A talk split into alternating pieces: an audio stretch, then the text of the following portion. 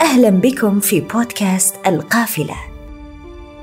آه، بالنسبة لي أقوم بالتخطيط الشخصي من آه، كل يوم. كل ما أصحى الصباح أقرر وش بسوي في هذا اليوم.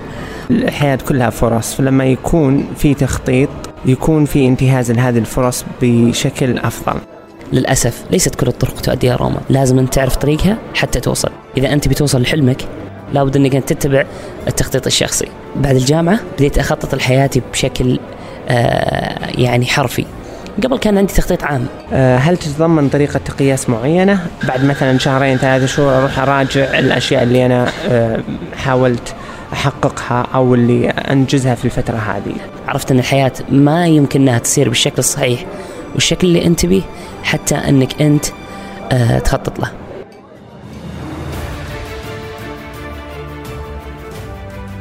أهلا وسهلا بكم مستمعي بودكاست القافلة المقدم من مجلة القافلة. مسيرة انطلقنا فيها معكم نحو مساحات واسعة من الثقافة ومسالك ممتدة من المعرفة.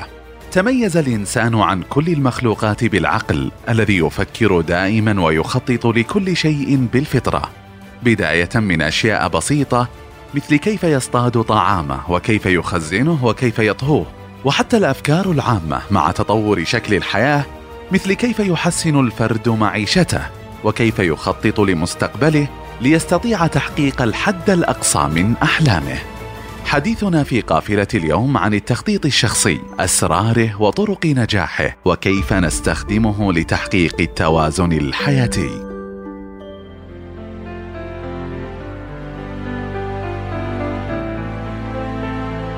يقول الكاتب الأمريكي رالف والدو اميرسون لا يخطط الناس للفشل ولكنهم يفشلون في التخطيط. فالتخطيط مهم لكونه فعلا متداخلا مع كل ما يفعله المرء في حياته بشكل يومي وشهري وسنوي. وبشكل عام لا يوجد إنسان لا يخطط ولكن يوجد إنسان يعرف كيف يخطط ويستغل موارده وآخر لا يعرف كيفية التخطيط. لهذا عرف علماء الإدارة والاجتماع التخطيط الشخصي بأنه برنامج يقوم الشخص فيه بنقل نفسه من الوضع الحالي إلى ما يطمح أن يكون عليه في المستقبل من خلال مراحل واضحة مطلوبة منه مع ربطها بزمن معين. ويمكن أن يشمل التخطيط للحياة الإيمانية والتخطيط للحياة الاجتماعية والتخطيط لتربية وبناء أسرة بقيم صحيحة والتخطيط المالي والاجتماعي بل وحتى التخطيط اليومي في ماذا سيفعل الفرد في يومه وما الذي سيقوم بإنجازه.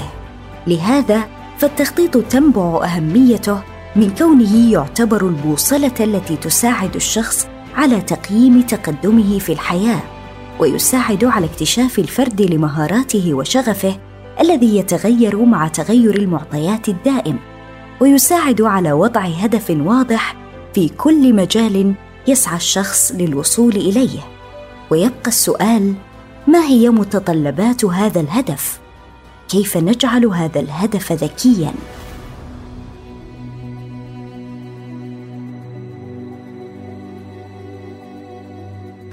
في دراسة جرت في عام 1979 على عينة من مئات طالب ماجستير بجامعة هارفارد. تم سؤالهم عما إذا كان لديهم أهداف مالية يودون تحقيقها وهل قاموا بوضع خطة مفصلة من أجل تحقيق هذه الأهداف؟ نسبة 84% من المجموعة بأكملها. لم يضعوا أي أهداف على الإطلاق. بينما 13% منهم حددوا أهدافا مكتوبة ولكن لم تكن لديهم خطط بعينها وتركوها مرنة مع متغيرات الزمن.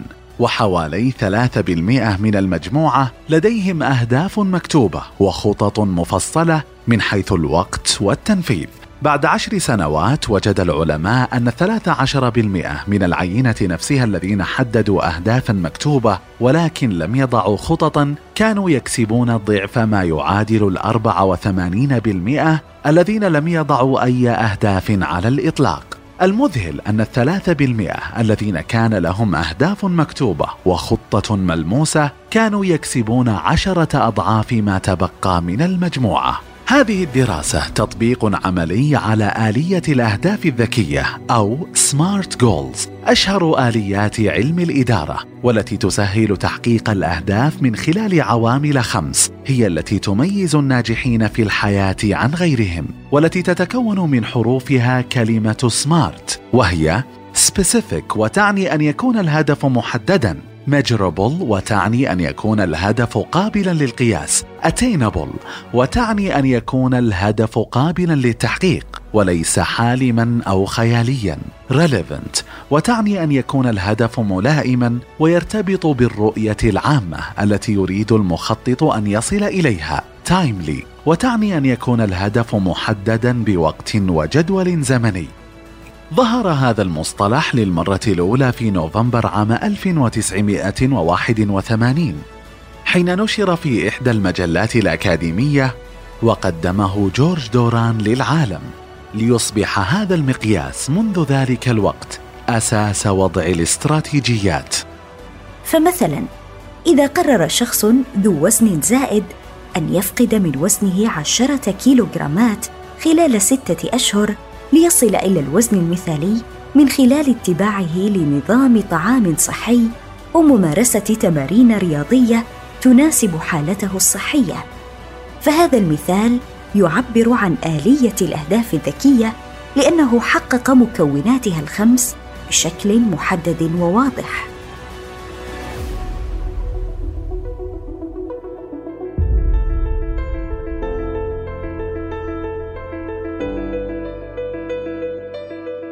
يمكن أن يساعد وضع أهداف ذكية على خلق نموذج أفضل من كل إنسان؟ سنحمل كل التساؤلات عن الأهداف إلى ضيفتنا الأولى في القافلة الأستاذة هاجر الجايدي مستشارة علم النفس التنظيمي. مثلما أن الجنة هدف كبير لكل العمل الصالح الهدف الذكي أو الواضح يروض التوهان اليومي في مجريات الحياة. فيحميك من أن تغرق في التفاصيل أثناء سعيك للصورة الأسمى من ذاتك. هل هناك نسختان منا؟ برأيي نعم. هناك نسخة قادتها الظروف لهنا. نسخة لم تمد يديها بعد أو لم تعرف ما هو طول يديها. وعلى ذلك إيجاد هدف كبير للنسخة الأمثل منا يؤطر سعينا اليومي باتجاه تلك النسخة. فتوثيق الأهداف الشخصية يساوي في أهميته اختراع الكتابة والطباعة وبدء التدوين تاريخيا. أنت حينها تنتقل من الحقبة ألف إلى الحقبة باء من تاريخك الشخصي. لأن كتابة توثيق والتوثيق ينقل الفكرة من أجزاء مشوشة إلى واقع مفهوم. ينقلها من أضغاث أحلام إلى رؤية. والرؤية توحد الجهود والمساعي وتعينك على أن تعود كلما انحرفت عن مسار الهدف والرؤية. عقلنا قاصر جدا عن الإحاطة بالملاحظات داخله لكننا قادرون وقادرون جدا على ملاحظة الأمور خارجنا وهذا ما يجعلنا نفحص. حال الناس أكثر مما نفحص حال عقولنا. إذا التوثيق هو الخطوة الأولى في رحلة إزالة العوائق عن ذاتك المثلى. وستحاول أن تتجنب ذلك كثيرا لأنك ستواجه نفسك حينها. تهدم فيها صورة أنت مرتاح معها تجاه ذاتك. وتبدأ بصورة ترسمها من الصفر من جديد. ستتساءل من أنا؟ وكيف وصلت إلى هنا؟ وهل أنا المسؤول عن ما أنا عليه أم لا؟ تجبرنا كتابة الأهداف على الانحلاء للواقع وفحصه فحصا موضوعيا. بينما من المريح والمريح لنا جدا أن نمضي دون أن ننظر ما الذي نحن عليه وما الذي نحن سائرون إليه. تأخرنا عن كتابة أهدافنا لا يعني أنها عائمة في أذهاننا بقدر ما يعني أننا نتجنب أن نفتح ملفاتنا الداخلية المؤجلة والمسكوت عنها لأن التكيف أسهل بإغلاقها. كثير من الأهداف التي نسعى إليها متناصفة بيننا وبين المجتمع. تضع بعض الظروف والأحداث والحقبات السياسية والمجتمعية اهدافا نسعى إليها. لكن على صعيد آخر وفيما يخص المجتمع هناك من يحفزه الصراع. فيجد في معارضة المجتمع لأهدافه سببا كبيرا ودافعا عظيما لإثبات خطئهم لهم. وهناك من يحبطه الصراع. فينتظر مصادقة المجتمع على كل خطوة من أهدافه قبل أن يسعى إليها. وهناك دافع أهم وأكثر أصالة من هذين الدافعين. هذا الدافع الداخلي ينبع عن فضول التجربة وعن رسوخ القيم.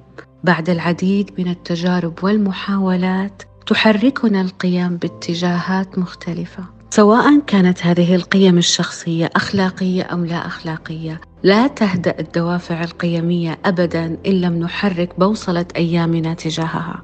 قصة تشكل القيم داخلنا تشبه قصة خلق آدم. لكل إنسان قصته وروايته. وخلقه. أما عن ثبات الأهداف فلا توجد أهداف ثابتة لأن الثبات موت والأهداف متحركة ديناميكيا. الأهداف وجهة وقد تكتشف الوجهات بعد الوصول إليها. المطلوب منك أن تحدد بالكتابة الوجهة ألف. نسخة أفضل من نفسك الآن وهي التي ستقودك للنسخة باء وعندما تصل للنسخة باء سترسم خطة أخرى وترسم صورة جديدة. الذي يحصل في هذه الولادات الجديدة ليس سهلا بالتأكيد ولا يمر في خط سريع بل هو في أرض بكر بلا خطوط ولا طرق جاهزة ولا خرائط.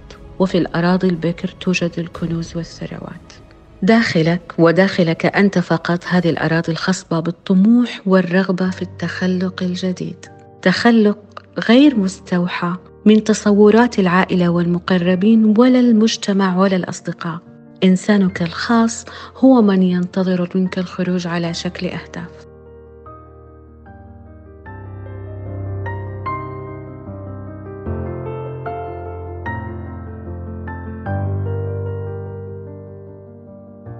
أحد أوجه التخطيط الشخصي هو التخطيط المالي والذي يمكن تعريفه بأنه إعداد ملف شخصي لخطة مالية شاملة تساعد صاحبها على تطوير فهمه لوضعه المالي الحالي وما سيكون عليه في المستقبل.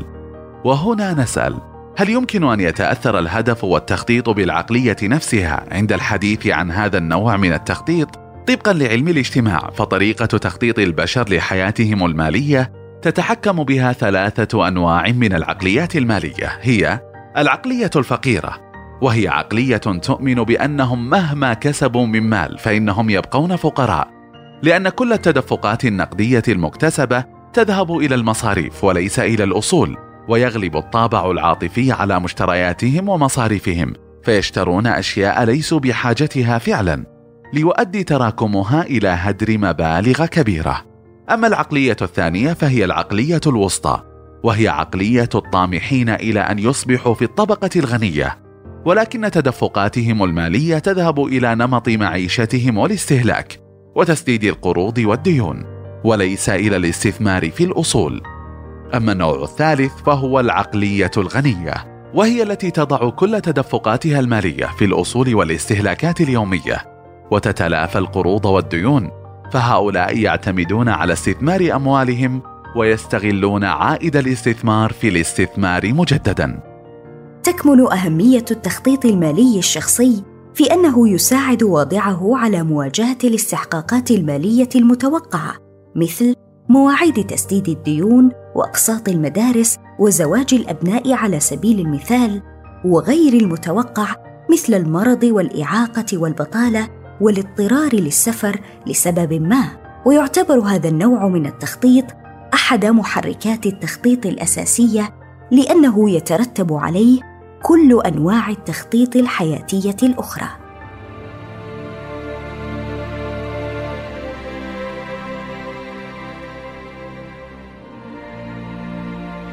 عن أهمية التخطيط المالي الشخصي وعواقب غيابه الوخيمة يحدثنا ضيفنا في القافلة الدكتور محمد مكني أستاذ المالية والاستثمار بكلية الاقتصاد بجامعة الإمام محمد بن سعود. ما في شك اليوم لما بنتكلم عن الخطة المالية الخطة المالية ذات أهمية كبيرة. إذا كنت أنا قمت بعملية التخطيط أو لم أقم تعتبر صيان لا. في ظل وجود أول حاجة آه، المنتجات البنكية اللي بتساعدك على مسألة والمستشارين الماليين أنه يكون عندك خطة مالية. ما في عذر لأحد اليوم. في العادة يجب أنه تخطط أنت من أجل كيف أنك تصل لحرية مالية كيف يكون عندك استقلال مالي مستقبلي. كثير من الدراسات أشارت أنه ثاني أكبر مشكلة اجتماعية طلاق عندنا بسبب سوء الإدارة المالية. لذلك مهم للأفراد آه، إنه هم يعملوا خططهم المالية حتى إنهم ما يقعوا في مشاكل اجتماعية قد تقودهم إلى السجون، ارتفاع معدلات الديون، آه، الاقتراض من غير حاجة، الاقتراض فقط من أجل الاستهلاك وهذا من أخطر الأنواع آه، الاقتراض اللي ممكن يقع فيها الفرد بسبب عدم وجود خطة مالية، اذا هذه أهمية كبيرة جدا لوجود خطة مالية. الخطة المالية ممكن تكون اليوم خلينا نعتبر إنه كل فرد اليوم ممكن يكون لديه أسرة أو حتى للشباب اللي لا زال في آه، مراحل ما قبل الزواج هو يحتاج إنه يكون عنده خطة مالية، لكن الخطة المالية آه، مهم إنه هي تكون جزء من خطة الأسرة. أيضا رب الأسرة لما بيعمل خطته المالية لازم يشرك فيها كل أفراد الأسرة، الكبير والصغير يشارك معناته حتنجح وتصل لأهدافك، لابد أن نفرق في أي خطة بين الحاجات الأساسية والحاجات الكمالية، كل أسرة كل فرد عنده حاجات أساسية، عنده أهداف أساسية، متى أريد أن أصل لها؟ في خطط مالية قصيرة الأجل أشهر نصف سنوية. وفي خطط مالية تكون طبعا سنوية وأكثر من سنة. آه، في الجهة المقابلة الكماليات، الكماليات آه، يعني اليوم إحنا في أمس الحاجة، أصبح هناك بعض الكماليات أصبحت أساسية، يعني كنا في يوم بنتكلم على سبيل المثال الصرف من أجل آه، يعني بعض الأجهزة الإلكترونية وغيرها أصبحت اليوم أساسيات، الترفيه، الترفيه جزء أساسي للأفراد الأسرة وخصوصا الأطفال الموجودين عندك، أنت تحتاج إنه تضعها في الخطة وتعتبرها جزء من خطتك المالية كرب أسرة، ليه؟ لأنهم محتاجين محتاجين لجوانب الترفيه. آه، خلينا ننطلق من فكرة آه، الأهمية نروح لمرونة الخطة. بقدر ما يجب أنك أنت تلتزم فيها بقدر ما يجب أنه تكون هذه الخطة مرنة. بمعنى أنه أي أحداث تواجهك لابد أنه أنت تكون قادر على التغيير في خطتك المالية. آه كلنا يعرف أنه في الفترة السابقة أكبر مثال إحنا واجهناه كورونا. كورونا يعني رفعت مستويات الادخار عند أغلب الأفراد والأسر. ليه؟ لأنه ما أصبح في عندنا آه، استهلاك عالي في فترة كورونا بالتحديد. يعني أبعطيكم مثال في أوروبا. متوسط الادخار كان للأسر حوالي من 8 إلى 12% بينما في فترة كورونا ارتفعت متوسطات الادخار عندهم في خططهم المالية كأسر إلى ما يقارب في المية. زي ما قلنا عندنا حاجات أساسية وحاجات آه، كمالية. أيضا لابد أنها تأخذ جزء في عملية الادخار وجزء أيضا في عملية الطوارئ. وحجم النسب اللي انت تضعها في الادخار وطوارئ لابد انه يتناسب مع حجم دخلك. بشكل عام أنا أعتقد إنه حتى في برامج الرؤية عندنا اليوم آه، بندعم كثير مسألة أنه الأفراد يكون عندهم وعي وثقافة عالية جدا تساعدهم على مسألة التخطيط المالي والأكيد أنه أثمن هدية بيقدمها الشخص حقيقة لأسرته لأطفاله هو أنه يعمل خطة مالية أنه يعلمه كيف يصنع خطة مالية مستقبلية لأنها ما في شك حتكون بالنسبة له يعني آه، مستقبل آه، بعيد عن المشاكل بعيد عن المشاكل سواء المشاكل الاجتماعية أو القانونية. وتبعده أيضا على المفاجآت المزعجة اللي ربما تقود إلى أمور هو ما يحب أنه يعيشها. بشكل عام أنا أعتقد أن الخطط المالية عندنا في المملكة في السنوات الأخيرة بدأت تتحسن كثير. نسب الادخار أيضا بدأت ترتفع يعني لامسنا ما يقارب 6% اليوم. وهذه كلها بسبب آه، أنه أصبح هناك وعي أكبر لدى الأفراد أصبح هناك وعي أكبر عند الأسر. خلوني أذكر آه، مثال يعني حدث آه، مع أحد الأشخاص الأطباء كان يعني بيستشيرني في يوم أنه هو راتبه حوالي أربعين ألف ريال لكن للأسف ما هو قادر إنه يعمل صندوق ادخاري جيد. لما تعمقنا في حالته وناقشنا الطبيب وجدنا إنه فعلا المسألة مسألة كيف تفكر في هذا المال اليوم إما أن يكون فكر استهلاكي كامل أو أنه عندك فكر جزء منه تنموي آه، استثماري لمالك حتى ما نتفاجأ ويكون كل ما يتم حقيقة آه، أو كل مصادر إيراداتنا تكون كلها رايحة آه، في في جوانب استهلاكية وبتخرج بدون إنه إحنا نراعي الحقيقة الجوانب الأساسية عندنا المستقبلية.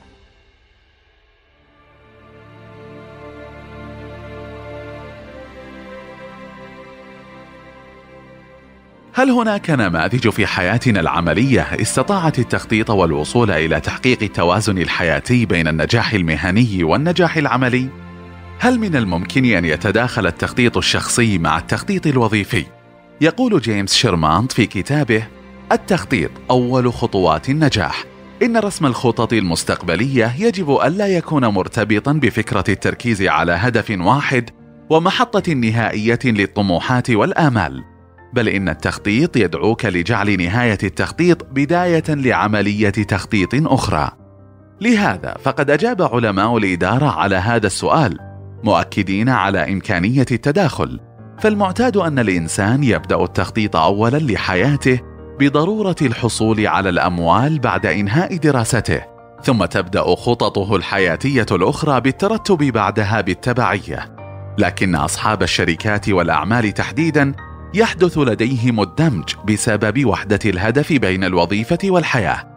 أحد الأمثلة العملية على تلك النظرية قصة شركة مورا البريطانية التي تعمل في مجال استشارات التصميم الصناعي والتي استضافت قناة البي بي سي الإخبارية رئيستها التنفيذية جو برنارد عام 2021 قالت جو إنها حين درست تصميم المنتجات في الجامعة بسبب حبها له قررت أن تكون هذه الهواية هي مصدر دخلها وطريق حياتها بالكامل فقامت بتأسيس شركتها لكنها انشغلت بأول مهمة تحصل عليها الشركة لتصميم أحد المنتجات لدرجة أنها نسيت التفكير في كيفية الحصول على عقود أخرى بعد ذلك وهو ما جعل شركتها على وشك الإغلاق وحياتها مهددة بالكامل.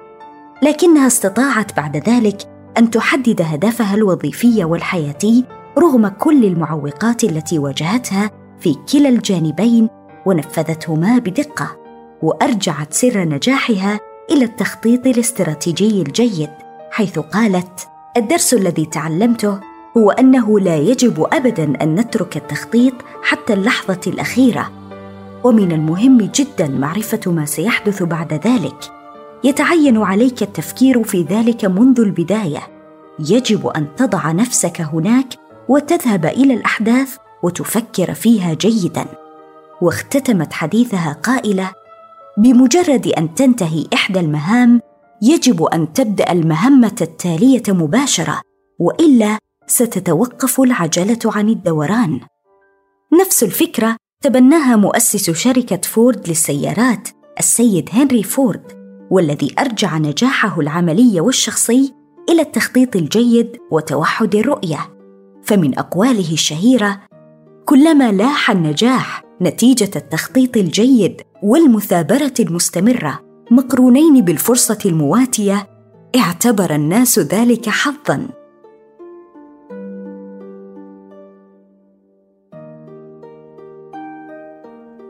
وفي النهاية يجب على الفرد أن يفهم جيدا مقوماته وما يريد بشكل واضح ومحدد حتى يستطيع الوصول إلى السعادة في حياته.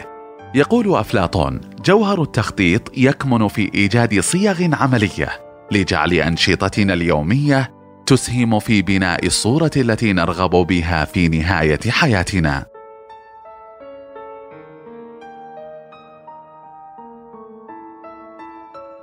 وصلت حلقتنا إلى نهايتها. نسعد بمشاركتكم لها مع أصدقائكم ومعارفكم الذين اعتدتم مشاركة ما تحبون معهم. ونسعد أيضا بتلقي تعليقاتكم وآرائكم على حساب المجلة بمنصة تويتر. ولنا لقاء جديد في شهر مقبل.